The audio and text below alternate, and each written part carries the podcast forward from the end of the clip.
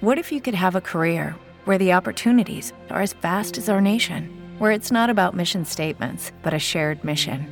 At U.S. Customs and Border Protection, we go beyond to protect more than borders from ship to shore, air to ground. Cities to local communities, CBP agents and officers are keeping people safe. Join U.S. Customs and Border Protection and go beyond for something far greater than yourself. Learn more at cbp.gov/careers. We zaten er allemaal naast. Waarom reed Casper Asgreen samen met Mathieu van der Poel naar de finish? Waarom ging hij niet in het wiel zitten?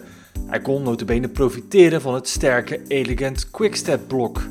In een sprint zou tijdrijder Asgreen het altijd verliezen van de veel rappere van der Poel, dachten we. Maar sprinten naar 260 kilometer is iets heel anders dan sprinten naar 200 kilometer, bleek vandaag maar weer.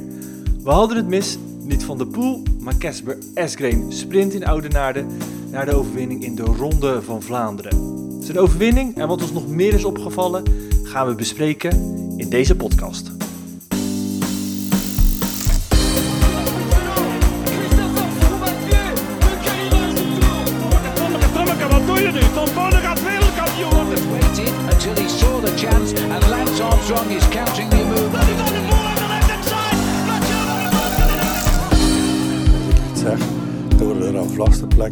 Er morgen wielenflits. Leuk dat je luistert naar weer een nieuwe Wielenflits podcast met Juri Eindse en met mij Maxime Horschels. Ja, de Ronde van Vlaanderen. Het is eh, mijn favoriete wedstrijd, want een wedstrijd die eigenlijk nooit teleurstelt. En dat heeft natuurlijk ook alles te maken met het lange en uitdagende parcours. Alleen maar renners die het verdienen kunnen op dit terrein winnen. En dat was vandaag gelukkig niet anders. Juri, hoe heb jij eh, ervan genoten? Ja, absoluut. Eh, ik eh, had uh, snode plannen voor vandaag, want het was natuurlijk paaszondag en, en mooi weer. Dus ik had plannen gemaakt om vroeg op de middag er lekker op uit te gaan met, met vrouw en kind. Maar helaas kreeg ik gistermiddag een telefoontje dat een um, directe collega van mijn andere werkgever corona had opgelopen, waardoor ik vijf dagen in quarantaine moest. Uh, vervelend, want daardoor gingen die plannen ja, vielen in het water. Maar goed, de straf was niet heel erg, want toen kon ik uh, ongestoord eigenlijk uh, vrijwel de hele, in ieder geval de hele finale, maar eigenlijk de hele koers van de Ronde van Vlaanderen zien. Dus wat dat betreft heb ik hem eigenlijk heel ja, bewust beleefd, om het zo maar te zeggen. Ja, ik hoor eigenlijk alleen maar voordelen. nou ja, goed, ja, is zo. Maar aan de andere kant is het natuurlijk niet leuk, want uh, nou ja, goed. Uh, het is gewoon leuk als je, als je met gezin eventjes op een vrije dag uh, erop uit kan. En ik had al ja, gezegd, maar niet op de dag goed. van de Ronde van Vlaanderen, Juri. Ja, maar ik had, ik had gezegd, alles is goed als we dat maar vroeg op een middag kunnen doen. En dat was allemaal geen probleem, dus dat had ik allemaal goed gecoverd. Maar nou ja, goed, toen heb ik dus inderdaad vanmiddag maar, ben ik maar binnen gebleven. Voor strafwielrennen moeten kijken, joh. Ja. Ik denk dat heel wat ja. luisteraars stik jaloers op je gaan zijn, Juri. ja, dat denk ik ook. het was geen straf in ieder geval. Nee, maar wel een. Uh, wat was een, uh, een ontzettend leuke koers. Die wel wat later op gang kwam als het aan mij lag. Uh, dan ik had gedacht. Maar iedereen ging ervan uit dat we weer, net als in alle andere koersen, ontzettend vroeg er weer ingesprongen ging worden. Ik verwachtte een. nou ja, misschien wel een finale van, van 150 kilometer. Het werd uiteindelijk op ongeveer 100 kilometer op de Molenberg dat de eerste keer uit de of Elegant Quickstep moeten we zeggen, niet de Keulen Quickstep, maar in deze ronde van Vlaanderen Elegant Quickstep, eigenlijk voor het eerst een beetje aan de boom ging schudden. En op de tweede keer Quaremont, op 50 kilometer van het einde, daar ging het echt uh, los. Door een aanval van uh, Lampaard, wat uiteindelijk op de top in een, daar eigenlijk al een duel uh, Esgreen van de Poel ontaarde. Laten ja. we het allereerst even gaan hebben over de positie die we normaal gesproken in podcast altijd een beetje verwaarlozen, namelijk de winnaar. Casper Esgreen. Ja. Het zal geen verrassing zijn uh, dat hij gewonnen heeft, want het was allemaal die zich de laatste dagen of de laatste weken uh, nadrukkelijk heeft getoond. Ja, en de wijze waarop. Ik vond het uh, ontzettend knap, want jij, ik uh, ongeveer alle journalisten die ik op Twitter heb gelezen en alle wielenfans begrepen niks van wat hij deed in die finale. Um, nou ja, dat hij laten we zeggen, een tegendeel groter bewijzen kon haast niet met wat hij vandaag gedaan heeft. Want niemand begreep waarom hij eh, in hemelsnaam met de veel snellere van de pool naar de finish reed. En volgens mij schaarde jij ook tot die groep. Ja, nee, ja, goed, inderdaad. Hè. Normaal gesproken, eh, als je met, uh, met uh, Van de Poel naar de streep rijdt, dan ben je eigenlijk ten dode opgeschreven. Um, het is natuurlijk wel zo dat als je dat wel doet, je waarschijnlijk in ieder geval heel veel zelfvertrouwen hebt, want anders doe je dat niet. Het was ook niet zo dat hij het werk schuwde. Hij reed echt gewoon vol mee in de finale. En nou goed, het, is, het is niet dat hij heel traag is, Asgreen, maar het is natuurlijk niet zo dat hij laat ik zeggen, 99 van de 100 sprints verliest hij van Van der Poel. Um, maar het is wel een tijdrijder. Betekent dus dat je een hoog tempo kan vasthouden. Uh, en daardoor uh, ja, moest hij eigenlijk uh, er een lange sprint van maken. En net dat deed hij eigenlijk juist wel heel goed, vond ik. Ehm, ja, door al, al vroeg aan te gaan. Hè. Op 200, wat was het, 200 meter van de finish begon hij al aan zijn, aan zijn sprints. Normaal gesproken ook de plek waar je in massasprints aangaat. Maar dan kom je natuurlijk met veel hogere snelheid aan. Nu was het verder van een, uh, van een surplus, maar het tempo was er natuurlijk wel al, al flink uit. Uh, ja, maar als je, ik denk ook als je de, de manier van, van rijden ziet, hij was echt niet bang voor Van der Poel. Nee, en, en uh, dat zullen ze ook wel in de wagen gezegd hebben. Kijk, het, mooiste voorbeeld is eigenlijk, want de situatie was in de laatste kilometer eigenlijk nagenoeg hetzelfde als vorig jaar. Toen waren het Van der Poel en Van Aert met Van der Poel inderdaad ook op kop. En nu waren het Van der Poel en Asgreen. En ja, eigenlijk wat ik net ook al zei, het enige wat hij goed kon doen was, was er vroeg aan beginnen. Waar het vorig jaar inderdaad tot eigenlijk 188 meter voor de streep nagenoeg stilstond, was er toen een krachtsexplosie van allebei. Ja, als, Van der Poel één ding goed kan, dan is het zo'n zo'n zo'n versnelling vanuit het niets. Uh, die eerste vijf seconden zo'n hoge, uh, aan zo'n hoge snelheid, zo'n hoge wattage trappen, dat kon hij echt heel goed. Uh, maar wat Eskeren eigenlijk al deed, die begon achter Van der Poel op iets meer dan 300 meter voor de streep al aanstalten te maken dat hij iets zou gaan doen. Waardoor het tempo dus iets omhoog moest. Want ja, goed, daardoor. Uh, van, van der Poel wilde zich niet laten verrassen, maar daardoor lag die snelheid iets hoger dan, dan dat het eigenlijk uh, vorig jaar lag, zeg maar.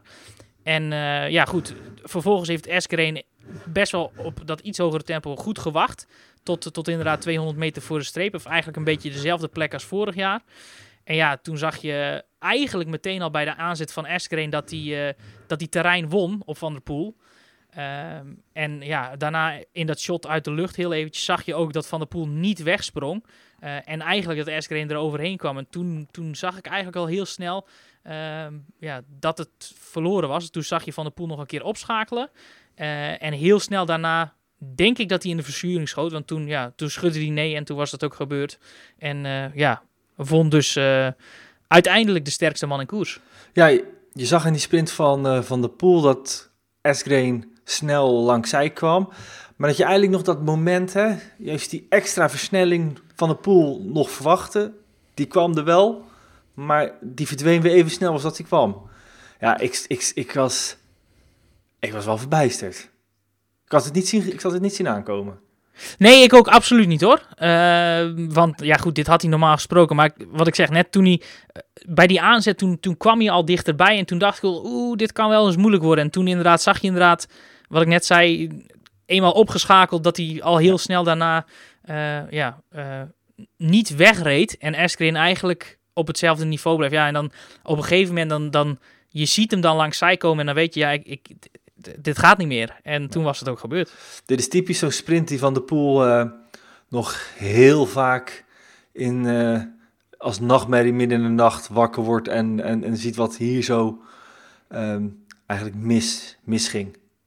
Ja, nou ja, ik wil niet per se zeggen dat er iets misging. Want ik denk namelijk niet dat Van der Poel heel veel fout doet. Ik denk vooral dat Eskeren heel veel goed doet. Uh, en dat, dat van, van, van der Poel gewoon ja, niets anders kon dan wat hij gedaan heeft en dat het niet goed genoeg was. Was je op het begin in de intro ook al zei, ja, uh, hè, dat de notabene van de pool die dat vaak zegt, na 260 kilometer is het niet meer sprinten, maar wie nog het hardst kan rijden. En dat was Askreen, van uh, vandaag. Ja. ja, nee, daar heb je wel een punt. Want ook op alle plekken waar Van de Poel het uh, probeerde en op ieder bergje in de finale was Van de Poel een van de beste. Maar overal waar hij versnelde, versnelde ook Esgreen. Die was echt wat dat betreft gelijkwaardig eraan. Daar waar eigenlijk alle Philippe en Wout van Aert, de twee andere topfavorieten, toch net dat tikkeltje minder waren dan, uh, dan Van der Poel. Ja, en eh, ik heb me vooral verbaasd eigenlijk over Van Aert. Want uh, ik heb Van der Poel nog gesproken vrijdag middag. En daar was hij eigenlijk heel erg eerlijk. Want ik denk namelijk niet dat dat een, een show was. Maar daar wekte hij de indruk dat hij niet meer zo fris was. Uh, en dat hij zelf het gevoel had dat dat echt een supergevoel weg was. Um, ik heb toevallig ook diezelfde middag een persconferentie bijgewoond van de Koning Quickstep. En daar was Alaphilippe eigenlijk ook een beetje de, nou ja, de, de, favoriete pet van zich aan het uh, afschuiven. Want die zei, ja, ik rijd vooral voor het team en we gaan met het team voor het beste resultaat. En die wilde eigenlijk niet dat kopmanschap hebben. Terwijl Van Aert, uh, ja, na zijn, zijn kunststukje vorige week in Gent-Wevelgem natuurlijk de topfavoriet was. Er was, bestond geen twijfel over. En ja, ik vond het toch wel heel opvallend dat, dat hij juist toch wel tekortschoot op de, voornamelijk op de hellingen, waar hij toch het laatste jaar bergop vooral heel veel stappen heeft gezet. Ja, je hem natuurlijk wel uh, zelf het initiatief nemen richting Koppenberg uh, in, in de aanloop daar naartoe sprong, die eigenlijk op, uh, op kousenvoeten weg en weet, nou, wat toen nog wel een indrukwekkend beeld was, goed die Koppenberg te overleven en daar ook de laatste vluchten van de dag, Bissiger, bij te halen. Dat was een moment toen in de koers wat, wat echo was, als ze nu niet, niet gauw het gat dichten, dan kan dit zomaar het begin zijn van een van die lange solos die we al kennen van de Koning Quickstep uh, in de Ronde van Vlaanderen. Want het was eigenlijk op dezelfde manier als hoe, hoe Terpstra ooit wegreed, als hoe Gilbert, Gilbert. Uh, recent ja. uh, wegreed en het tot de finish wist te halen. Dus dat was op, ook op een, iets, zelfs iets meer dan 50 kilometer, nee, iets minder dan 50 ja. kilometer van het ja. eind. Ja, op een afstand wat dus niet heel gek was voor een renner als, als Alaphilippe. Wellicht dat hij het al daar gevoeld heeft en wist de enige kans misschien om het te doen is nu wegspringen en hopen dat er achter me te lang wordt gekeken. Want daar waar de Julien Alaphilippe dus wat voorsprong nam, was de Koppenberg van Esgreen en van Van der Poel uh, ja, even sterk. En wellicht nog zelfs wat sterker, want kort na die Koppenberg komen ze uiteindelijk weer, weer, weer samen. Ja, ik vond vooral het, um, tussenstuk naar de eerste keer Kwaremond en, en richting de Koppenberg. Dat vond ik een heel gevaarlijk stuk. Uh, toen hadden we een groepje vooruit uh, van een man of tien. En met Van der Poel en Van Aert erbij. Die waren toen al op pad met Eskreen, met z'n drieën. Die werden toen terug, teruggepakt. En op dat moment rijdt er een groepje weg met uh, Haller, met uh, Seneschal, zeg ik uit mijn hoofd, met Pitcock was daarbij. En volgens mij Tim Wellens. Um, die reden met z'n vieren weg. En daarachter bleef dat groepje over met Van Aert, met Van der Poel, Alaphilippe uh, en Laporte zat daar ook bij. met Dylan Teuns ook, meende ik. En uh, op dat moment steekt Laporte steekt over. Echt met een heel indrukwekkend nummer, vond ik. En Alaphilippe schiet daar achteraan. En Van der Poel en Van Aert doen op dat moment niks. Uh, toen dacht ik, oeh, dit is wel een, een, een teken aan de wand. Wat gaat hier gebeuren? Uh, maar toen op een gegeven moment ging de motor voor ze rijden. Toen zag je dat erachter dat groepje aankwam. En dat er nog volk van, uh, van Alpecin Fenix bij zat. dat vond ik tactisch slim. Want um, ja, goed, Laporte en ook Alaphilippe, die hebben best wel veel energie verspeeld om daar vooraan te geraken. En eigenlijk ja, troepte vrij vlot daarna alles samen. Uh, richting de Koppenberg. Uh, Alaphilippe die daar wel naar, uh, inderdaad wat je net ook al zei, sterk naar Bissiger reed. maar vooral de demarage daarachter van Van der Poel, die vond ik tamelijk indrukwekkend. Die maakt op mij op dat moment de allerbeste en sterkste indruk in koers. Oh, Askreen oh, moest... Dat hebben we jou helemaal niet gezien, Jury. Nou ja, goed. Ik was een beetje de wedstrijd aan het analyseren vandaag. En uh, nou ja, op, op, dat moment zag ik, uh, zag ik dat. En ja, goed, hij reed daar zo hard weg uh, bij de rest. Dat ik dacht, ja goed, wat er ook gebeurt, die gaat hij straks winnen. Um, maar goed, ja, het bleek toch anders. Heb je de tweet al verwijderd?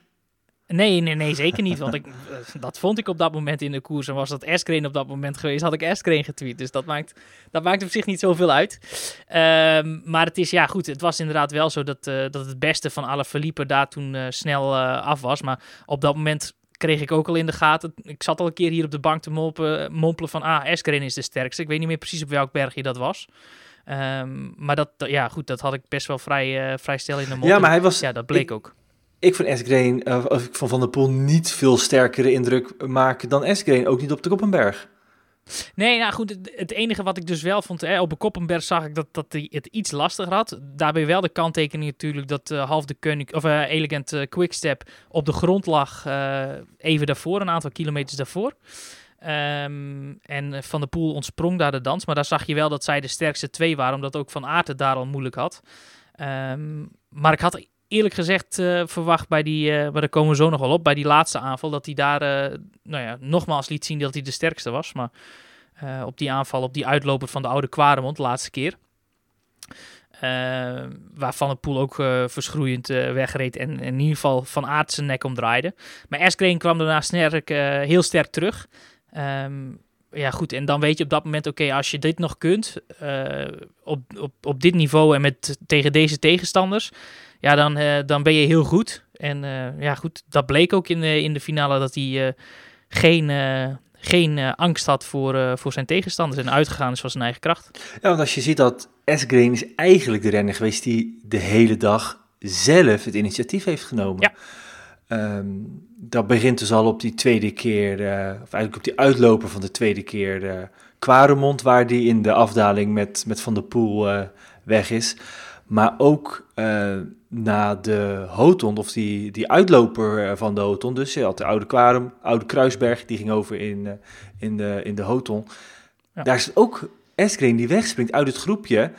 Um, toen nog samen met, met Alaphilippe. En daar, dat was al zijn eerste moment. En dat zag je ook op, uh, op de social media, die ik op dat moment ook even in de gaten hield. Iedereen dacht van, hè, wat gaat Eskren niet doen? Waarom springt hij weg? Ook, ook bij Alaphilippe, de enige die hem uh, volgde waren Van de Poel en, en, en Wout van Aert. Toen zag je al, dat is op 26 kilometer van het einde geweest. Ja. Toen zag je al van jongens, dit is toch een, een domme actie. Je gaat nooit met twee rappe mannen meespringen. Dat is je eigen, je eigen doodvonnis uh, schrijven. En dat is sprinten, of het hoogst haalbare wordt een derde plek. En daar zag ja, je dus achteraf al, nou ja, dat hij toch wel het initiatief nam uh, om, om, om af te gaan. Ja. ja, ik vond het juist niet verrassend, want ik vond wel onderweg dat, uh, dat Van Aert en, uh, en Van der Poel en Eskeren inderdaad de sterkste indruk maakten. Um, op dat moment in de koers was vooral Anthony Turgy heel sterk bezig. En die kon in zijn eentje op Kruisberg Hotond oversteken van de achtervolgers naar de kopgroep. Dat betekent dat in die kopgroep het tempo niet hoog genoeg ligt, want anders kan iemand als je met die kleppers daar op kop rijdt, kan iemand als Turgy, geweldige renner, heel groot talent ook, maar die mag daar normaal gesproken nooit de oversteek maken. Dan gaat het dus daar niet hard genoeg. En op dat moment zal Alaphilippe, want het beste was bij Alaphilippe toen vanaf tegen Eskren gezegd hebben, ja, uh, rij voor jezelf en niet voor mij vandaag. En dat Eskren heeft gezegd, oké, ik ga aanvallen en ik zie wel wie er mee kan. Hè. Um, en dat bleken Van der Poel en Van Aert. En goed, ja, uh, Turgie, fantastisch hoe hij dat dichtreed, maar die moest dat wel meteen bekopen. En Eskren draaide daarmee ook zijn nek om. Dus dat was op zich, vond ik dat wel juist een heel slimme move. Het enige, het enige pech die hij had, was dat, uh, dat Van Aert en Van der Poel in zijn uh, wiel zaten. Nee, maar dat moet op dat punt besproken zijn, want vanuit het ploegbelang hè, van Elegant Quickstep, wat weer op, opnieuw um, een dag lang redelijk goed vertegenwoordigd was. Hè. Ook met de Seneschal, ook met, met een Lampaard, Bert van Lerberg, die ik lang voor meegaan. Tim de Klerk die wel in die uh, grote val uh, uitgeschakeld werd. Dus relatief kort maar op kop hebben zien uh, rijden. Nou, de andere reden, daar komen ze meteen nog wel op. Um, vond ik dat op dat moment wel, een gok. Maar daar moet inderdaad getelefoneerd zijn, afgesproken zijn van ga, maar, ga maar voor jezelf. Um, al leek me ook een zekerheid dat als je daar gaat aanvallen, je op zijn minst die twee renners met je meekrijgt. Ja, nee, ja, zeker. Dat is het risico wat eraan vasthangt. Maar goed, weet je, als je als Alaphilippe aangegeven heeft, en dat, dat kan haast bijna niet anders, als hij aangegeven heeft van, joh, ik ben niet goed genoeg meer, uh, dan kun je wel doorrijden met diezelfde groep. Maar goed, dan weet je ook dat, dat Van Aert en Van der Poel, dat je daar altijd klof van krijgt. Of in ieder geval in één van die twee in, de, in, die, uh, in de sprint bijvoorbeeld, ik noem maar wat. Uh, dus ja, goed, dan kun je beter inderdaad de koers hard maken en dan uh, man tegen man gevechten van maken. Eigenlijk de enige keer waar Van der Poel echt overduidelijk de betere leek, was op die derde keer Quaremont. Want daar plaatst Van der Poel een versnelling en komt uh, als eerste boven, zit even op een klein gat eh, zit, uh, zit, zit Eskreen en een, weer een flink stukje daarachter uh, Wout van Aert. Maar dan is het ook weer in die afdaling dat, dat Eskreen toch weer heel knap dat gat weten dicht. Dan zie je toch weer die tijdritkwaliteit ja. van hem ja. heel goed bovenkomen. Ja, en, op dat moment dan weet je ook, oké, Van der Poel reed echt hard weg daarboven op de laatste keer Oude Kwaremond. Toevallig kreeg ik net een appje van een kameraad van mij die, uh, die ook uh, wieler, uh, wielerfan is. Die zei van, jou, kijk, zie je glazen bol, wat, wat gaat er gebeuren? Ik zei, nou ja, goed, ze rijden nu met drie. Van der Poel zal waarschijnlijk in ieder geval proberen op de Paterberg om, om in ieder geval te zorgen dat hij Van Aard kwijtraakt. nou, ik, ik had het appje nog niet teruggestuurd of, of dat ging hij. Uh, en Van Aert moest er inderdaad af. Uh, toen dacht ik, oké, dan heeft hij het zitten. Want op de Paterberg, die is zo stijl, daar kun je niet een heel groot verschil maken als je allebei even goed bent. Um, en Van der Poel gaf achteraf ook toe van, ja goed, er was maar één eigenlijk die de hele dag mijn aanvallen kon counteren. Dat was Esgreen. Dus dan weet je, als die nog een goede indruk maakt, dat je die niet gaat losrijden op de Paterberg. Want ja, wat ik zeg, dat ding is zo stijl. En als je daar goed bent, dan, dan ga je daar geen eh, 10 seconden verschil maken. Um, dus dat, ja, dat vond ik niet heel uh, verrassend dat daar niets gebeurde. En ja, het moest eigenlijk ook op die oude Kwaremond gebeuren. Um, nou ja, als je, goed, als je de verschil op de oude Kwaremond ziet en je zou dat doortrekken op de, naar, naar de Paterberg, dan zou je zeggen, goed, op de oude Kwaremond maak je het verschil. SK weet in de afdaling nog terug te komen op de laatste keer Paterberg gaat datzelfde proces opnieuw gebeuren. Dat Van der Poel Esgreen eraf rijdt. Maar dat gebeurde helemaal niet. Nou, in tegendeel. Op de Paterberg kreeg ik het idee, oeh, Van der Poel kon het wel eens lastig krijgen. Want wat ik zeg, je, je kunt op de Paterberg dat ding zo stel, kun je eigenlijk um, alleen een verschil maken met mensen die er doorheen zitten. Want die moeten, zoals bijvoorbeeld zo Van Aert op een gegeven moment, die moeten zigzaggend naar boven. Omdat, omdat dat ding gewoon zo stijl is daar is het gewoon man tegen man. En je moet zo hard mogelijk omhoog rijden. En, als je er dan nog bij is, is het goed. Um, het mooie is wel dat Esgreen en Van der Poel daar zij aan zij reden. En dat Van der Poel op kop begon aan de Paterberg. Maar Esgreen is eerst boven kwam. En toen dacht ik al, hmm, Esgreen is wel heel goed. Ik denk dat dat ook het eh, moment is geweest dat hij dacht van, nou, ik kan echt wel op die sprint gaan uh, Ja, dat, dat zal ongetwijfeld uh, het geval zijn. Ook omdat daarachter ja, die groep waarvan Aert uiteindelijk zich in liet terugvallen. Ja, daar was de, de samenwerking ook niet optimaal. En daar zat natuurlijk Seneschal, die, die zal dat doorgebriefd hebben.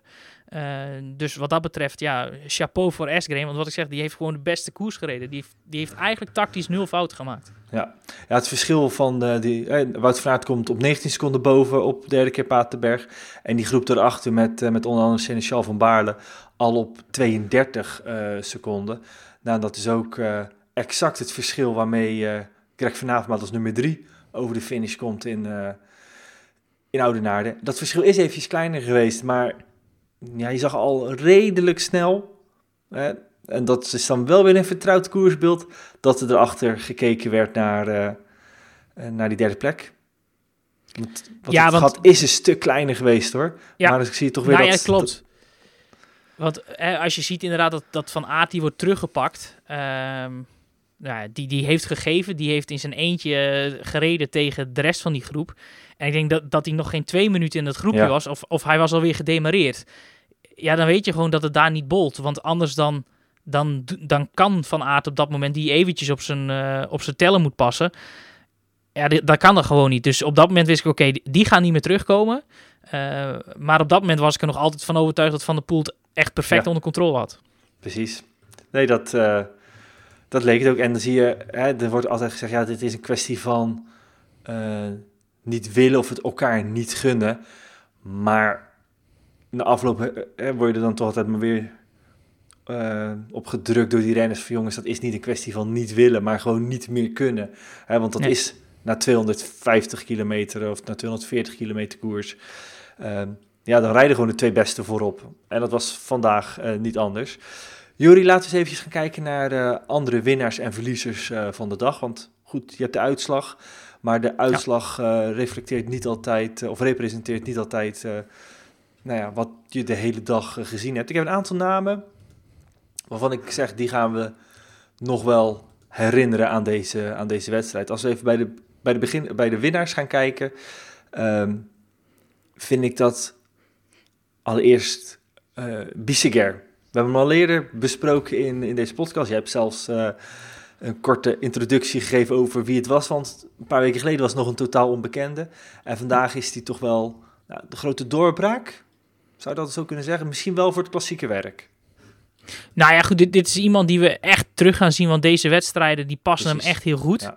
Ehm, vond het ook wel mooi dat hij in de, in de vroege vlucht zat, want dan kan je toch eens beter naar zo'n rennen kijken. En ja, goed, je ziet op een gegeven moment dat hij die hele kopgroep, en er zaten echt geen misselijke renners tussen, dat hij, eh, dat hij die gewoon echt helemaal eh, aan gort rijdt op die oude Kwaremond. Op dat moment misschien niet het allerhandigste, want ik denk, als hij dat groepje nog iets langer bij zich eh, had gehouden, had hij misschien zelf nog iets langer meegekund. Aan de andere kant had hij hier nooit die finale gehaald. Ehm, dus ja, goed. Aan de andere kant natuurlijk ook mooi, omdat hij nog eventjes met Alaphilippe daarna op, eh, op kop rijdt. Eh, maar zeker een, een mooie kennismaking met hem. En eh, ja, goed. kopgroep halen in de Ronde van Vlaanderen is al vaker een, een bakermat gebleken voor renners die doorbreken. Want ik weet niet of je nog weet wie er in 2015 in de vroege vlucht zat van de Ronde van Vlaanderen. Of 2016. Was een renner van Roompot die later uitgroeide tot een van de beste sprinters ter wereld. Ja, Dylan Groenewegen. Exact. En zo zitten, zijn er wel... dat zijn geweest. Ja. Ja, dat denk ik ook inderdaad. Want volgens mij stapte hij in 2016 over naar, eh, naar Jumbo-Visma. Of eh, ja, wat nu Jumbo-Visma is. Ik heb toen zelfs nog een eh, interview met hem gehad. eh, Ja. Klopt. Zittend op een koelbox met eh, lege bidonnen toen nog. Dat kan ik me nog, nog, nog goed herinneren. En eh Ja. piepjonge Dylan Groenewegen. Ja. Hij moet nog, moet nog ergens op YouTube eh, in de krochten van ons uh, Wielenflitskanaal eh, staan. Nee, inderdaad. eh, ehm, ik hou al een tijdje bij wie allemaal in vroege vlucht eh, zit. Dit jaar dus Bisseguer, uh, Matthijs Paasgens, de Nederland, Nederlandse Belg. Ook eigenlijk Ja. een vaste klant in, de, in vroege vluchten. Ehm, Fabio van der Bossen, die zat er vorig jaar ook in de, de vroege vlucht van de Ronde van Vlaanderen. Jelle Wallijs, Matthias Norsgaard en twee renners die iets later aansloten, Nico Dens en Hugo Hol.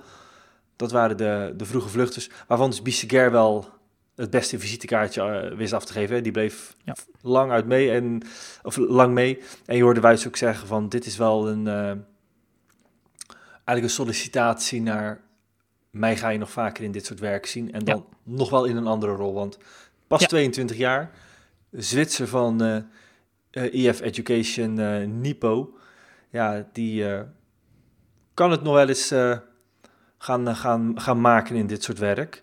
En dat is op zich wel goed, want verder was een Bettiol, nou ja, die zou ik eerder tot de, tot de verliezers eh, van de dag eh, scharen. Maar het was ook eigenlijk een, een renner die al een tijdje een wat mindere indruk maakt. Dus het is ook niet iemand die we hier, eh, die we hier verwachten. Andere ploeg, eh, ik zeg het al, een ploeg die ik ook eh, tot de winnaars van de dag wil behoren, maar dat zie je niet terug in de uitslag, vond ik toch wel Bahrein. Hoe die Ja. op 37 kilometer van het eind nog met twee man in een eh vooraan reden op zes, met Teuns en met eh, Marco Haller, en zeker Marco Haller, echt eh, een beetje aan zo'n laadbloeier die het eh, een tweede jeugd aan het vinden is. Ja, inderdaad. eh, in, eh, in de E3-prijs was het, denk ik. Dat Eh. hij in de vroege vlucht zat en, eh, en uiteindelijk nog die finale mee, eh, meemaakt. Even kijken hoor. Nou, was Ja, het moet E3 zijn geweest, was Ja. hij tiende. Dus nee, ja, inderdaad. heel bijzonder om, om te zien dat hij op, op 30-jarige leeftijd nog ja, zo- zo'n stap weet te maken. Ehm, maar aan de andere kant, hè, je zegt, ja, die, die, de uitslag zegt misschien niet alles, maar Bettiol heeft het beter gedaan dan Teuns en Haller vandaag. Nee, dat, dat is ook zo. maar die- ik snap wat je zegt hoor, want IF hebben we behouders Bisseker helemaal niet gezien. Ehm, maar ja, inderdaad, dat was opvallend dat die op een gegeven moment met z'n tweeën nog kwamen aansluiten bij, eh, bij dat groepje vooraan. Nee, maar er zijn bij wat meer renners. Als je dan even, uiteindelijk in die uitslag gaat kijken, dan schrik je soms hoe ver ze, hoe ver ze teruggeslagen zijn. En neem bijvoorbeeld ook een eh, Kevin Gen- eh, Genier. Hij is nog wel gevallen of die moest ergens van de fiets. Weet je, die finish dan op vier minuten. Matteo Trentin, die op de Hoton een lekke band eh, krijgt en van de fiets af moet, ook op vier minuten. En dan zie je zelfs... Ja, een- negen, op, hè? Op, op negen minuten zelfs. Die 26 kilometer voor de streep Ja. leeg eh, lek gereden, 9 minuten aan je broek, dat is wel wat. Precies, die heeft zich helemaal, eh, helemaal laten uitlopen. En, en goed, ook de andere vroege vluchters, maar die werden dan al wat, wat redelijk snel ingelopen. Nou, er zijn er nog wat van die renners. even gauw te scrollen. Ja, Bissiger, 9 minuten. Ja. Ehm, en ook een renner die dus wat, wat verder terug in de uitslag staat, maar die ik wel tot de winnaars van de dag eh, beschouw, vind ik ook een Madouas. Ja, absoluut, zeker. Toevallig heb ik net nog eh, gekeken wat hij was eh, tegengekomen in de laatst. Op de website van Groupama FDG. Want die, ja, die reed gewoon echt weer een hele sterke koers. En ja, goed, ik, heb zijn reactie gelezen. Die, die moest eraf op eh 200 meter eh, ja, onder de top van de Paterberg. eh, bij het groepje in, eh, ja, dat eigenlijk achter, hè, de groep van Aert moest hij eraf. En eh, ja, daarna opgeslokt door het pelotonnetje daarachter samen met Alaphilippe. En eh, ja, vervolgens ehm 39ste geworden. Wel jammer inderdaad, want die reed echt gewoon alweer een goede koers. Dat is ook zo'n zo'n zo'n jonge gast die er echt aankomt en eigenlijk nog dat laatste hupje mist om, om echt die aansluiting met de wereldtop te maken. Eh, maar ja, ongetwijfeld, die, die gaat er aankomen. En, en eigenlijk, zijn koersen moeten er nog aankomen. Met Amstel, met Waalse Pijl en met Luik. Ja, ik denk ook een slimme zet van eh Groupama FDG om het, om het zo te doen. En eh Demar gewoon in Frankrijk eh, te laten koersen. Want ik had een tijdje terug nog contact met, met Sinkeldam, die natuurlijk helemaal vastgeklonken zit in de sprinttrein. of vastgeklonken dus zit aan Demar, omdat hij onderdeel uitmaakt van die sprinttrein. En die had het er nog wel over om misschien toch wel de klassiekers te gaan rijden. ehm, vanwege het veranderde koersprogramma, met al die koersen die zijn afgelast. Maar daar hebben ze toch voor gekozen dat niet te doen en, en op die Franse koersjes te blijven mikken voor Demar. Overigens zeer succesvol, want vandaag wint hij dan uiteindelijk zijn eerste eh, wedstrijd in Frankrijk. Ehm, maar dat betekent ook gewoon dat Madouag zijn kans eh, eigenlijk in een vrije rol eh, in deze wedstrijd heeft mogen koersen. Ja, en wordt dan 39ste, dus over een paar jaar denk je van, nou, hmm, eh, niet bijzonder goed en op een hoop minuten gereden.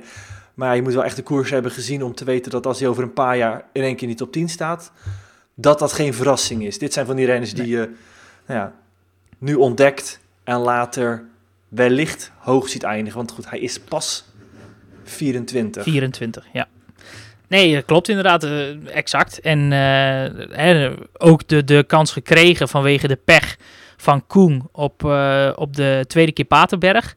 Die echt een hele merkwaardige val had, vol in beeld. Ja. Ehm, die voorover ging. Ik weet niet wat er precies gebeurde, maar die stond daar in één keer. Maakte ook geen aanstalten om direct eh, eh, ja, weer naar voren te rijden. En ja, is ook nooit meer teruggekomen in, in, eh, ja, in de voorste gelederen. Baalde daar wel van. Er stond in hetzelfde persbericht. Eh, had er echt de pest in. Maar eh, goed, toen mocht Madouas een kans inderdaad gaan. En ja, zit hij er wel bij aan het eind van de Paterberg. Moet hij niet afhaken 200 meter onder de top. Ja, dan sprint hij gewoon mee om plek 5. En de, eigenlijk de laatste renner die ik in dit rijtje mentale of morele winnaars heb gezien, ehm, is een renner waar we ook in deze podcast niet over uitgesproken raken. Je hebt net al even zijn naam genoemd, de nummer 8 van vandaag, Anthony Tuchy. Ik las al ergens bij een Engelse account, die noemde het eh, een Duracell eh, bunny. Want die man, die lijkt echt oneindig eh, energie te hebben en maar te kunnen blijven meespringen en gaten dichten. En ja, die lijkt gewoon met de wedstrijd beter te worden.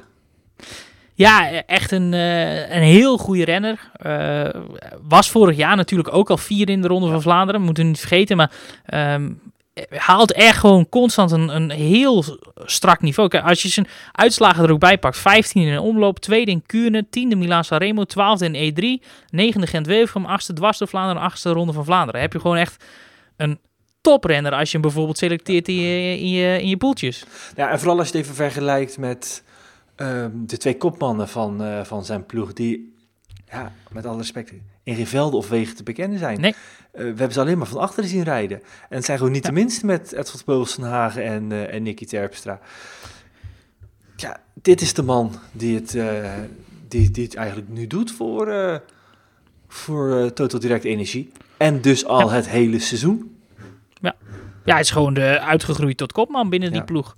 Vanuit de schaduw misschien van die andere twee. Maar eh, ja, die doet het echt fantastisch goed. En ik heb het natuurlijk in de vorige podcast ook al gezien. Eh, het is eigenlijk jammer dat hij volgend jaar nog steeds een contract heeft bij deze ploeg. Want ik zou deze jongen toch echt zo graag willen zien bij eh, bijvoorbeeld de Koning Quickstep. Of zo'n andere ploeg die zich echt op dat voorjaar concentreert. Misschien dat hij dat ook wel kan doorgroeien binnen zijn huidige ploeg, die ook steeds meer richting die klassiekers eh, trekken. Maar ik denk, ja goed, hij is pas 26, zijn beste jaren komen eraan. Ja, ik wil wel eens zien waar, uh, waar in staat is. Die, die moet veel verder kunnen komen dan, uh, dan dat hij nu doet. En dat is al heel goed. Ja, maar goed, het is natuurlijk op de manier hoe hij nu rijdt kan, kan het best. En als direct energie gewoon voor hem ondersteuning erbij koopt. Ja, je kan natuurlijk bij, bij Quickstep gaan waar je toch even achteraan in de rij moet, uh, moet aansluiten. Um, en al een aantal groepbriljanten kunnen doorgroeien. Ik zou me echt wel adviseren als Total Direct Energie, uh, zowel Ethel Bosenhagen en Terpstra zijn, uh, zijn einde contract. Haal in de plaats daarvan nieuwe renners die, uh, die in dienst van hem willen rijden. Ja, dan kan die, kan die zelf in deze wedstrijd echt nog wel, wel een eind kopen. Ja, nee, dat kan absoluut. Dat, dat, dat komt hij al. Dus dan... Ja, nee, ja, is zo. Maar goed, hè, er zit natuurlijk wel een verschil tussen top 10 halen en winnen. Um, maar dat, ja, dat, dat behoort zeker tot de mogelijkheden. Ik ben heel benieuwd, uh, wat ik net ook zei, hoe, ver hij nog reikt. Ja. Laten we dan naar de, de verliezers, of in ieder geval de tegenvallers van de dag gaan. Dat klinkt heel zwaar. Uh, en dat is het ook. het, uh, er zijn ook een aantal renners en teams die wellicht wat zijn tegengevallen. En het eerste is gelijk een leuk discussiepunt, Jury. Ik ben heel benieuwd hoe jij daar naar, naar kijkt. Naar het rijden van Jumbo-Visma. Uh, ja, eigenlijk gewoon... Uh, nou ja, die het op zich uh, oké okay gedaan hebben. Ehm, we weten al weken dat, dat die in de finale er niet bij gaan zijn. Ehm, dat, gaan we ook, dat gaan ze ook niet veranderen. Uh, we weten natuurlijk allemaal dat normaal gesproken Mike Teunis hierbij was geweest. En die had zeker een pion in die finale kunnen zijn. Maar eerlijkheid gebiedshalve te zeggen is behalve Quickstep niet één ploeg die meer dan twee renners in die finale steeds heeft. Um, dus ja, ja, goed. Dit jaar uh, Alpes en vandaag opnieuw. Ja, nee, zeker. Absoluut. Die hebben het echt, uh, echt fantastisch gedaan. Uh, het hele voorjaar al, moet ik zeggen. Daar moet ik echt een, uh, nou ja, toch wel een compliment aan maken. Hoe die uh, als pro-team zich manifesteren in de grote World Tour wedstrijden. Um, maar ja, Jumbo-Visma is inderdaad in de breedte niet, niet heel sterk gebleken.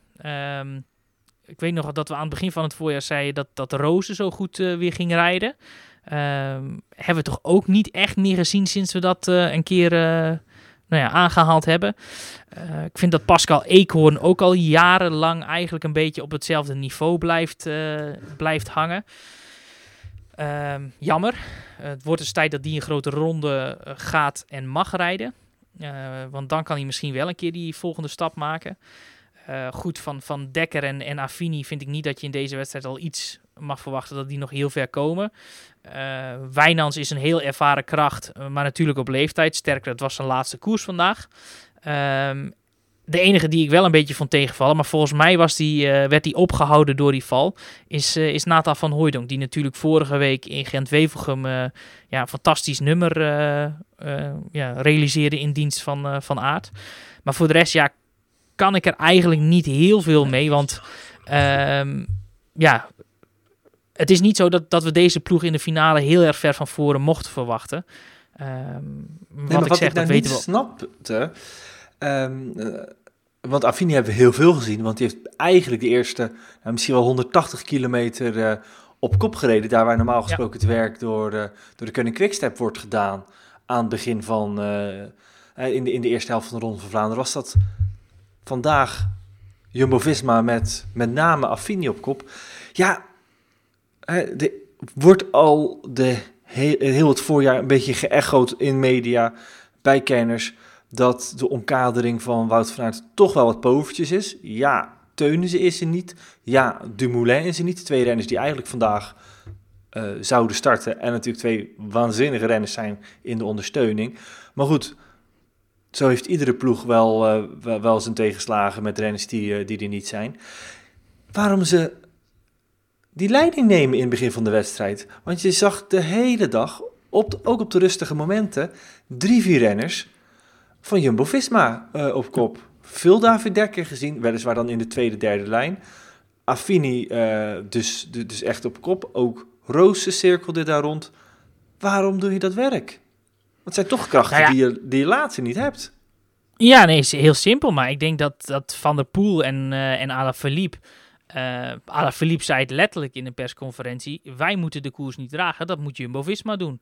Want die hebben de topfavoriet in huis. Van der Poel heeft ook gezegd... ja goed, eh, het is niet altijd aan ons om maar te rijden. Eh, hebben ze natuurlijk ook in die zin een punt. Want dat is natuurlijk een pro-team en Jumbo-Visma is een World Tour team. Maar ik denk dat we aan geen, onder geen stoelen of banken hoeven te stoppen... dat Van Aert op voorhand de absolute topfavoriet was. Ja, en dan zul je er ook naar moeten rijden. Ja, En ik denk heel eerlijk gezegd, ik denk heel eerlijk gezegd dat ik ben heel benieuwd naar de, de ronde 105 volgend jaar. Ik ben heel benieuwd wat, eh, wat de Koning Quickstep heeft gezegd. Want ik, ik kan me heel goed voorstellen dat die hebben gezegd op een gegeven moment... Ja, wij rijden gewoon niet. Want die zijn pas heel laat beginnen met, eh, met rijden toen die voorsprong eigenlijk al boven de 10 minuten was. ja, precies, want die, die, die, eh, die ging nog naar 12 minuten. Ik heb het ergens opgeschreven waar de Klerk naar voren komt. Ja, dat is op, op 150 kilometer van het eind. Dan komt de, dan komt, eh, de Klerk pas op kop. Staat, staat precies zo in mijn aantekening. 150 kilometer, de Klerk nu pas op kop. Hm. Ja, en tuurlijk, eh, er zaten geen koekenbakkers in die, eh, in die kopgroep. Die moet je echt geen, geen, geen 20, 25 minuten geven. Maar ja, ook bij de koning. eh, Het, het is toch wel een pokerspel wat je dan al kunt gaan spelen. En wetende dat je wellicht de renners niet hebt om tot laat ehm Wout van Aert te ombrengen. Ja, zou je het misschien ook wel wat harder kunnen spelen. Ik moest een beetje denken aan, aan de Tour de France, hè, code, code, ora, of Code code, geel. geel. Waarin, ze, hè, waarin Dumoulin boos wordt en zegt: Jongens, we zijn hier aan het rijden alsof we de, de Tour al, al hebben begonnen en er wordt met ons gelachen. Het schoot ook wel even door mijn hoofd van: zij is hier niet gewoon iets te overmoedig door, nou ja, nu zo sterk hè, en, en zo op kop te rijden, terwijl er nog, eh, nou wat is het, eh, 200 kilometer eh, of nog 150 kilometer gereden moest worden. Ja, en vervolgens zakken ze er ook, ja, net als een hoop andere ploegen, maar er wel op, wat was het, die tweede keer Paterberg er redelijk massaal doorheen. Ja, nee, klopt. Is zo. Heb je zeker een punt. Aan de andere kant is het natuurlijk wel al dan volgens mij net de kaap van de 200 kilometer gerond. Is natuurlijk wel een gegeven dat dan pas de Ronde van Vlaanderen echt begint.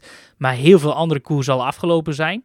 Ehm, dus ja, goed, mag je dan nog verwachten? Oké, nee, ja, inderdaad had, een keer, had ik het een keer mooi gevonden als een Pascal Eekhoorn of dan een Timo Roze inderdaad eens een keer had opgestaan en, eh, en. Maar dat was vandaag niet het geval. En eh, ja, ehm, eh, je kunt zeggen inderdaad dat de, dat de, om, eh, de omkadering van, eh van aard pover is. Dat kan. Maar aan de andere kant weten we ook al weken dat het zo is. Ja, en ja, goed, je kunt nu wel weer dezelfde de show op gaan voeren. Maar ja, goed. Van Ja, het is wel een aandachtspunt. Het, tijdje. het, is wel een, Ja, tuurlijk, dat absoluut. is ook zo. Het is niks nieuws. Maar het lijkt me als Van Aert zijn er wel iets om, om toch even stevig met die vuist op tafel te slaan voor, voor, voor komend jaar. Zeker, en Marij Zeeman heeft ook al aangekondigd dat er eh, eh, voor de klassieke kern naar, eh, naar versterking zal worden gezocht. Ehm, dus dat, ja, goed, dat, dat, gaat, dat gaat eraan zitten te komen. Wie weet kopen ze het contract van Turgie wel af. ja, zo. ja, dat zou ik zonde vinden. Die moet lekker voor zichzelf blijven rijden. Ja, goed, maar de, eh, ah, ja, maar het versterkt Wout, maar het versterkt ook zijn kansen. Want als. Turgie verder groeit en in, in finales kan wegspringen van, Oud, van Aert zegt, haal hem maar, want ik, ik ben hier toch de snelste. Hoeveel Fransman hebben eigenlijk ooit voor die ploeg gereden? Eentje. Eh, lang geleden? Nee, 2014 of 15. Ik weet nog dat hij was mijn eerste of nee, dat was mijn tweede ehm, keer dat ik bij de ploegenpresentatie op bezoek was. Dat was de tweede keer Belkin in beeld en geluid. Jeetje. Toen hebben ze een binnengehaald. Die zat daar op een, op een, op een barretje. Heeft er drie uur lang voor zich uit zitten staren. Want niemand heeft met hem gepraat toen. Ik heb echt even een totale blackout. Wie was dat? Jonathan Hiver. Ah, natuurlijk, ja. Ja, dat is wel maar een heel korte huwelijk geweest.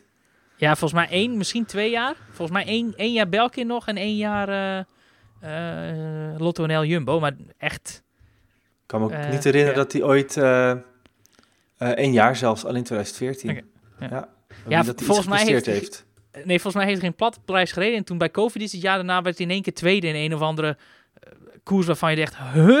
Hiver, nu in één keer wel. Ik weet niet meer precies in welke koers dat was. Brabantse pijl of iets, denk ik. Nou, dat kan haast niet. Ik ga het even gauw eens uitslagen erbij Ja. pakken. En hij deed het goed dat jaar in... Eigenlijk, eigenlijk best wel het hele seizoen. Negende in de Droom Classic. Vierde in de rit in Catalonië. Nog een keer vijfde. Wat hij niet tweede in de rit in de, in de Vuelta of iets? Ik weet, er Nee, staat me nog iets van bij dat ik denk, huh, wat doet die hier in één keer? Nee, dat kan ik even niet vinden. Maar hij reed er wel nou, verschil- verschillende top 10 eh, plekken in, eh, in Franse koersen. Maar we wijken af. Ehm, Ja. Even terug naar de Ronde van Vlaanderen. Geen verliezer, maar wel een renner waar ik denk we meer van hadden verwacht. De winnaar van afgelopen woensdag, Dylan van Baarle. Ja, die, die is me wel echt eh, een beetje tegengevallen. Want die vond ik de laatste weken echt heel sterk. Hebben we ook een aantal keer in deze podcast eh, besproken. Ehm, maar ik vond vandaag dat hij best wel veel achter de feiten aanreed. Eh, tweede keer Paterberg zat hij echt heel ver bovenop de top. Dat ik echt dacht van, oeh, dat is echt niet goed. Maar ja, 10, 10 15 kilometer later was hij er in één keer weer. En ja, goed. Eh, ik had het idee dat hij een beetje achter de feiten aankoerste Ja, vandaag. eigenlijk hij- opnieuw, want dat was ook in de E3 en Ja. ook in Gent-Wevelgem het geval. Klopt. En dat, eh, dat vind ik wel een beetje jammer. Want ik denk dat hij wel de benen had eh, de laatste weken om hier... nou ja, om in ieder geval heel ver te komen. ehm, verder dan die tiende plaats en verder dan het groepje waarin hij geëindigd is. Ja.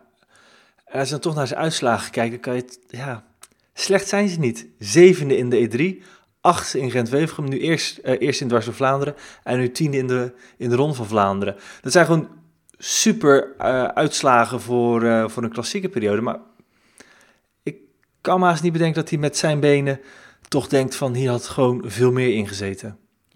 Ja, dat denk ik ook. En ik wil overigens ook nog een shout-out maken naar eh, in ieder geval Gianni Vermeers, die het ook weer hartstikke goed doet in, in zo'n wedstrijd. Weer een, een mooie top 10 plek vergaat. Sepp van Marken, die er ook al het hele voorjaar staat. Eh, derde in de omloop, goed in Samijn. Daarna ziek geworden, niet gezien. En nu toch in één keer weer vijfde. En ja, niet door een of ander, maar die wint dat sprintje van die groep. Ja, Behouders van Balen zijn op papier al die gasten sneller. ja want zelfs Wout van Aert legt het af Ja. tegen Van Marken. Ja, dus dat vond ik wel echt, eh, echt een straffe, straffe stoot. En vond ik ook, die reed een heel goede koers. eh Christophe Laporte. Ja, eens. Eh, komt ook steeds meer piep in dit soort wedstrijden. Verspeelt af en toe onderweg nog iets te veel energie, vind ik. Want hij springt vaak op momenten ergens naartoe dat ik denk van... Dit is wel heel ver. En net als dat hij dan het idee heeft dat hij mee moet zitten, zeg maar. Eh, misschien iets minder koersvernuft, want dit is natuurlijk normaal ieder een, een sprinter. Dat hij misschien nog iets meer koersvernuft in, in dit soort koersen mist. Maar die reed ook vandaag hartstikke sterk. En, vind ik toch ook best wel een shout-out waard, de nummer 16 van vandaag. Ja, eh, die we opnieuw zien. Vorige Ja. week zondag en vandaag, eh, vandaag opnieuw. Danny van Poppel. Vond ik echt, eh, ik dacht in één keer, huh, zie ik dit nu goed? Maar het was inderdaad wel degelijk Danny van Poppel die achter Sagan dat sprintje eigenlijk won. Want Klaes en, en Boerkart waren eigenlijk weggesprongen. En eh, ja, Sagan wint dan het sprintje van die achtervolgende groep. En Danny van Poppel werd daarachter als tweede. Ik denk, hè, kan haast niet. Als in, het lag niet in de lijn der verwachting dat hij hier op dit moment ging meesprinten. Ja. Van, Ja. eh, als je dat ziet naar de laatste jaren. Nee, eh, dat is ook zo. Die lijkt een beetje eh, waar op gehoopt werd bij Intermarché. of eigenlijk al, al een jaar op gehoopt werd, is, is, is Danny van Poppel weer aan de praat te krijgen. Maar dat lijkt nu langzaam toch echt, eh, echt te gaan gebeuren. En vooral ook op het klassieke werk. Hè. Dat zat hij bij zijn Ja. eh, Jumbo-Visma-jaren al een beetje mee te twijfelen van welke kant moet ik nou op? Moet ik nou voor die, voor die sprints gaan of toch die klassiekers? Is uiteindelijk wat meer voor die, eh, voor die sprints gegaan. Maar je ziet nu eigenlijk dat hij het in het klassieke werk... ja... Maar goed, of hij daarvoor had moeten kiezen, dat wil ik niet zeggen. Wa- Want was hij- een goede ploegmaat geweest voor Wout van Aert. Ja, In Gent-Wevelgem en vandaag. absoluut. Al is hij nu wel degene goed, die het, ook voor Intermarché natuurlijk eh, het, eh, de, de honneurs moet, moet waarnemen. De, eigenlijk Ja. de kopman voor dit werk eh, is.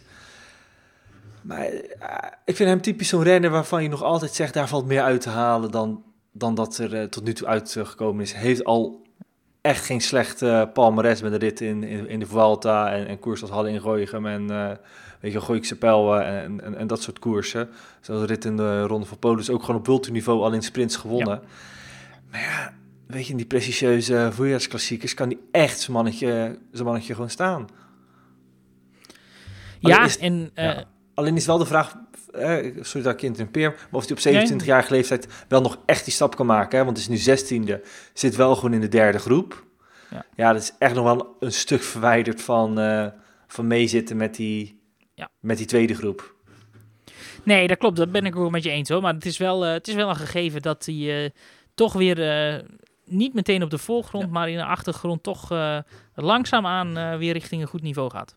Juri, we hebben het in deze podcast ook nog over één ding helemaal niet gehad. En dat is iets wat wel eigenlijk de hele wedstrijd uh, heeft gekleurd. Niet bepaald, maar waar wel veel over gesproken is. En dat is uh, de disqualificatie van Michael Scheer. En vooral die nieuwe regel omtrent het weggooien van bidonnen. Waar het wel mag, waar het niet mag. En vooral ook hoe de UCI de regels toepast. Want het is weer iets ja, je verbaast je niet meer over dat dit mogelijk is in, uh, in de wielersport. Maar het gaat weer eigenlijk helemaal nergens over. Ik moet zeggen, regels zijn goed, maar dit slaat weer zijn doel uh, totaal voorbij. Ja, ja, kijk, ik ben, ben uh, zeker van mening dat we in deze tijd, waarbij we steeds meer om, om de natuur moeten denken. ik woon zelf midden in de natuur dat een bidon weggooien, ja, dat, dat kan gewoon niet overal en nergens meer. Uh, ook al zijn die misschien biologisch afbreekbaar, maar dat kan gewoon niet overal meer. Maar eerlijk is eerlijk, als je daar toch een paar springende mensen ziet die vragen om een bidon en je gooit dat ding erheen. Ja, goed, dan, dan zie je toch op dat beeld ook wel dat dat geen kwaad kan. Uh, want wat is er erg aan een bidon richting. Uh, richting. ja, Publiek ja. publiek te gooien. Dat, ja, ik zie daar het kwaad niet van in. En hij zelf realiseert het meteen. Hij gooit die bidon weg en hij realiseert zich meteen. Oh shit, wat doe ik nu? En hij ja. wordt ook niet veel aan. Je ziet hem ook gewoon echt balen. Dat, ja, op dat moment speelt hij nul rol. Was het een heel makkelijk slachtoffer voor de jury om te zeggen: Oké, okay, we halen je eruit. Ja, het had gewoon Want, op een ongelukkig ja, moment reed hij, of had hij schakelproblemen, daardoor achterop ja. geraakt camera dus op zijn uh, smikkel, omdat er voor de rest op dat moment eigenlijk niks gebeurde. Het was in die vroege nee. fase. Ja, nou ja, het, het grappige is wel dat... Uh, ik weet nog dat ik heb de start nog gezien tot eigenlijk uh, ze uitziend Nicolaas reden. Want dat is eigenlijk vast het punt waar, waar de vroege vlucht echt... Als hij daar definitief weg is, dan is hij definitief weg. Ik weet nog dat, dat volgens mij was het nog in de neutralisatie... dat Cher zich bij de uh, ploegleiderswagen meldde en dat uh, José de Kouwer nog iets zei van... Het is maar goed dat ze dat nu opmerken, want uh, nu kunnen ze er nog wat aan doen. Maar het is wel heel vervelend als je daar nu al mee zit en je uh, begint te twijfelen aan je materiaal. En toen, daar moest ik meteen aan denken toen op het punt dat hij inderdaad ja. pech kreeg laten van... Ah ja, zie je wel. En ja goed, toen had hij nu natuurlijk inderdaad ook nog de pech dat hij die bidon per ongeluk weggooide. of achterloos moet ik zeggen, want hij had het gewoon... Hij besefte zich het gewoon net twee tellen te laat. Maar ja, wat ik zeg, het was wel een heel makkelijk slachtoffer voor de, voor de jury om hem eruit te pikken. Want ja, wat ik zeg, hij reed niet op kop van het peloton of hij had net niet een, een beslissende demarage geplaatst of weet ik veel wat. Dus het was wel een heel... Die is wel geslachtofferd om een statement te maken, laat ik het zo zeggen. Anders ja. kan ik dit niet noemen. Nou ja, vooral ook, het wordt een regel die eigenlijk niet uh, te handhaven valt. Hè. Vandaag las ik ook een tweet van, uh, van Jetse Bol, die reed ik ben in die Franse koers vandaag, of als het moet haast wel, en die zegt, ja, je ziet overal in de hoog, uh, daar waar hoog gras staat, wordt er denk ik gauw die bidonnen weggesmeten, of als er een heg is, wordt het daar ingesmeten. Juist nu de natuur in, waar het voorheen naar het publiek werd gegooid, maar doe je dat nu, dan mag je uit koers. En ga je dus maar eigenlijk stiekem doen dat je niet uh, gesnapt kan worden, maar gooi je het dus juist op de plek waar deze regel voor is, uh, eigenlijk om te voorkomen dat het, dat het daar gebeurt. Dus het tegenovergestelde wordt nu werkelijkheid. Ja, dat gaat toch echt, uh, echt veel te ver. Dus ik ben, ik ben ja, heel benieuwd wanneer ze dit gaan, uh, hoe snel ze gaan terugkomen uh, op ja. deze regel. Nou ja, en, en ook, want toevallig kreeg uh, Julian Alaphilippe daar nog een vraag over tijdens de persconferentie van, van de Elegant Quickstep vrijdag. Van joh, wat vind je eigenlijk van die nieuwe regels? En dat vond ik wel een goede vraag, want ehm Alaphilippe is natuurlijk de wereldkampioen. eh, draagt het embleem van de UCI op zijn borst, want is hun wereldkampioen.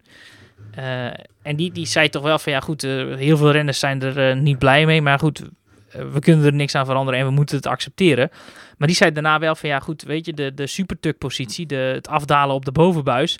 Dus ja, ik vind dat niet gevaarlijk en, en dat doe ik al sinds ik, sinds ik kind ben eh, en op een fiets zit. Voor mij is dat natuurlijk, voor mij is dat, zit dat in mijn systeem. Dus ja, ik moet er echt heel erg om gaan denken eh, en gaan oppassen dat ik dat niet automatisch doe. Want ik doe dat automatisch. Ja. Ik denk daar niet bij na. Dus, En het zou wel... Ik, ik ben... Ja, goed. Ik hoop Hetzelfde dat gebeurt het met niet- bidonnen, hè? Ik bedoel, eh, Ja, dat is zo, maar dat wil ik ermee zeggen. Hè. Het is, het is, je ziet Cher ook, die gooit het ding weg, want dat, dat, dat zit in de natuur van een aantal wielrenners. Dat die, weet je wel, bidonnen weggooien richting kinderen of, of weet ik veel, richting fans. Ja, die kun je daar blij mee maken. En als je dat altijd doet, eh, en nu in één keer mag dat niet meer, ja. Je ziet het bij Cher ook, in één keer denkt hij, oh shit, dit mag gewoon niet meer. Ja. En die weet gewoon, ja, de- en die hangt. Nee, maar ook iedereen die naar een koers langs de weg gaat, droomt hardop of zachtjes van ik hoop gewoon dat er een bidon naar me ge- gesmeten gaat, gaat worden. Echt iedereen die langs de koers staat, houdt er rekening mee van, ho, er bestaat gewoon een kans dat iemand wel een bidon of, of een tasje eh, naar mijn plek toe eh, gooit. Ja, dat is een van de aspecten die ook het wielrennen mooi maakt. Dat je een bidon van een van de renners die, hè, waar je fan van bent, ja, zomaar zou kunnen, kunnen bemachtigen. En dat dat, ik vind, ja, ik vind het ook een van de romantische kanten van de sport. Alleen daarom al eh, zou deze regel aangepast eh, moeten worden. Want het snijdt verder niet aan het, aan het ecologische aspect. Ik bedoel, smijt het niet in de natuur, wel naar mensen. En als je kijkt, hè, we hebben nog, eh, we- laten we ook even de vrouwenwedstrijd erbij pakken. Die wordt gewonnen door eh de Annemiek van Vleuten met een knap eh zegen. Ja, ze was nog niet over de finish. eh, en ik zag al video's voorbij gaan van haar op kilometer 43 van het eind, waarin ze ook een bidon eh wegsmijt. Op een plek waar. Canarieberg geen- was dat inderdaad. ja, op een plek waar geen eh, een litteringzone, geen afvalzone was. Maar wat blijkt in de regels? Als je naar een verzorger, dat hoeft niet eens van je eigen team te zijn, naar een verzorger eh, een bidon smijt, dat dat ook oké is. Maar dan moet die, die verzorger die bidon pakken en in de prullenbak gooien. Dan denk ik, ja, ik heb liever dat, en ik denk dat die wielrenners het ook hebben, dat liever die bidon in de handen van een fan valt dan in een kliko. Ja. Maar dat terzijde. En ik ben toch ook wel heel nieuwsgierig hoe de UCI gaat, steeds gaat bepalen iedereen, eh, of wie een verzorger is. Ik bedoel, eh, je kunt een shirtje aantrekken van een, van een club of van een ploeg. Ja, ga maar eens bepalen of, of dat een verzorger was of, eh, of een fan. Ja. Nou, ik zou, ik zou alle wielerfans nu willen oproepen om in ieder geval Precies, ja. van je favoriete eh, ploeg aan te trekken. Dan kun je nog eens hopen dat er eh, toch nog een, eh, een bidon naar je, naar je hoofd gesmeten wordt. Of tenminste, naar je persoontje gesmeten wordt. Ik denk dat dit wel eens een mooie is voor de voorspelling. De voorspelling. Ja, Juri, de voorspelling. Eh, we hadden het makkelijk gemaakt voor onszelf. Wie zou de Ronde van Vlaanderen winnen? En helaas, we hebben het beide hartstikke fout. Ik ging voor topfavoriet Wout van Aert. Nou, die is niet geworden. Maar jij was eigenlijk bij voorbaat al kansloos.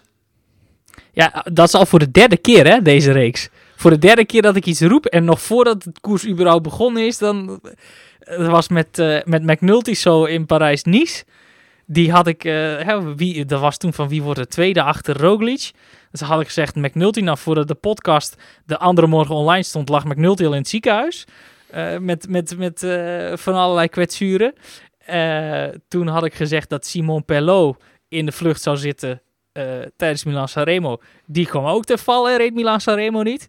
En nu had ik gezegd dat Stenek Stibar, wat voor mij samen met Casper Esgreen de sterkste man was bij de Koning Quickstep, eh de Ronde van Vlaanderen zou winnen. En ik zat in het interview met Mathieu van der Poel en in één keer kwam er een push binnen, Stibar oud wegens hartritmestoornis. Ik denk nou, eh Daar gaat mijn voorspelling. ja, ik denk nou, dan, ga ik in ieder geval niet die, eh, die achterstand van me dichtlopen. Nee, het blijft dus eh 2-1, maar ook geen punt voor mij. Dus laten we maar gauw doorgaan naar... we moeten niet lang stilstaan bij onze verliezen. Dus laten we gauw doorgaan naar de nieuwe voorspelling. Ehm, gaat deze week die regel al op de schop? Van het wegwerpen buiten bepaalde... Of dat het, weg, het werpen naar publiek weer toegestaan is. Ik denk van niet. Ik denk dat ze dat eh, wel gaan bespreken. Ehm Parijs-Nice gaat natuurlijk niet door. Eh, komend weekend. Parijs-Roubaix. Eh, sorry, ja, Parijs-Roubaix inderdaad. Eh Scheldeprijs hebben we nog wel. Het officieuze WK voor sprinters komende woensdag. Daarna is het vaak zo dat... of tenminste na Parijs-Roubaix, maar die gaat natuurlijk nu niet door. Daarna is er vaak een, een, een soort wisseling van de wacht in het peloton. Gaan de kasseien klassieke renners gaan eruit en de heuvelklassiekers komen de mannen komen erin. En dus ik denk dat er wat zijn volgende week maandag, 12 april, eh, dat we dan ergens in die week misschien inderdaad een beslissing krijgen van oké jongens, inderdaad, stomme regel, laten we die terugdraaien. Maar nog niet deze week. Hmm, dat, denk, dat denk ik dus ook. Dus hier kunnen we het niet op gaan winnen. en ik wil eigenlijk mijn, mijn voorsprong nog niet uit handen geven.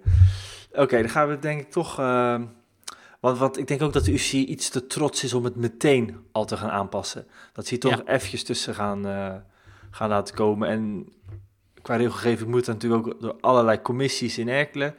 Het is toch een iets wat stroperig proces, dus ik vermoed ook dat het iets langer eh, gaat zijn. Maar dat het aangepast gaat worden, daar ben ik eigenlijk vrij zeker van. Maar dus nog niet zo snel. Ehm zullen we dan maar gewoon de winnaar van de Scheldeprijs gaan doen? Ja, laten we dat eens doen. Leuk. Ga ik wel nog even snel de startlijst erbij pakken. Geef ik de eerste beurt eh, aan jou. Eh, de nieuwe wereldkampioen sprint op de weg wordt komende woensdag. Elia Viviani. Jij denkt, die heeft de winning mood nu te pakken en die gaat gewoon door in... Ja, ik denk laat ik hem eens een eh, hart onder de riem steken. Ik twijfel... Ik zou het leuk vinden als eh, Kees Bol het gaat doen namens Team DSM. Maar ja, de Koning Quickstep is toch... Ja, goed, ik ga gewoon weer voor... Ik ga weer voor eh, hij heeft me al een punt opgeleverd. En hij gaat me gewoon een nieuw punt opleveren. Dan weet je al wie ik ga zeggen. Ja, ik ben het niet. Nee. Maar Sam, Sam wel. is het.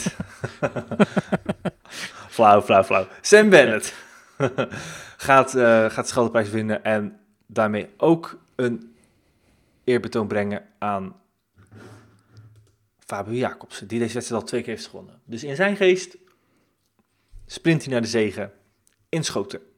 Maar dat is voor woensdag. Dan gaan we het een eh, dag later eens eventjes eh, op terugblikken. En die podcast gaat vrijdag in je feed eh, zitten.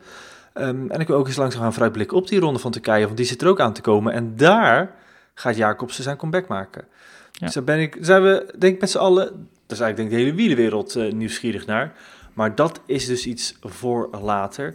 Juri, de Ronde van Vlaanderen zit erop. En normaal gesproken is het altijd gauw overschakelen naar de Parijs-Roubaix. Maar dat is Ja. eventjes wachten tot, eh, tot later dit seizoen. Ja, laten we eens vol, eh, vol teugen genieten van de Ronde van het Baskeland. In aanloop naar de Heuvelklassiekers. Ja, want die begint eh, wel al maandag. Dus als een eh, cadeautje voor de tweede paasdag. De hele week Ja. wielrennen. Dat in ieder geval wel Moet fijn. morgen toch weer de hele dag binnen zitten, dus kan ik weer de hele middag op de bank. Ik verwacht volgende week een zeer uitgebreide analyse van die ronde van het Baskeland. Ik weet niet of ze een hoop Ik ben heel stokpaardjes eh, gaan deelnemen. Dat moet haast wel. Dus ik dat gaan wij... eh, kan wel eens, kan wel eens snel spieken. nee, jullie, dat gaan we voor de volgende podcast doen. oké. Ik moet streng zijn. Ja. Mensen, dank voor het luisteren. Juri, bedankt voor deze podcast over de Ronde van Vlaanderen. Ik wil, eh, als ik nu toch iedereen aan het bedanken ben, Sam bedanken voor de montage. En graag tot een volgende Wielenflits podcast.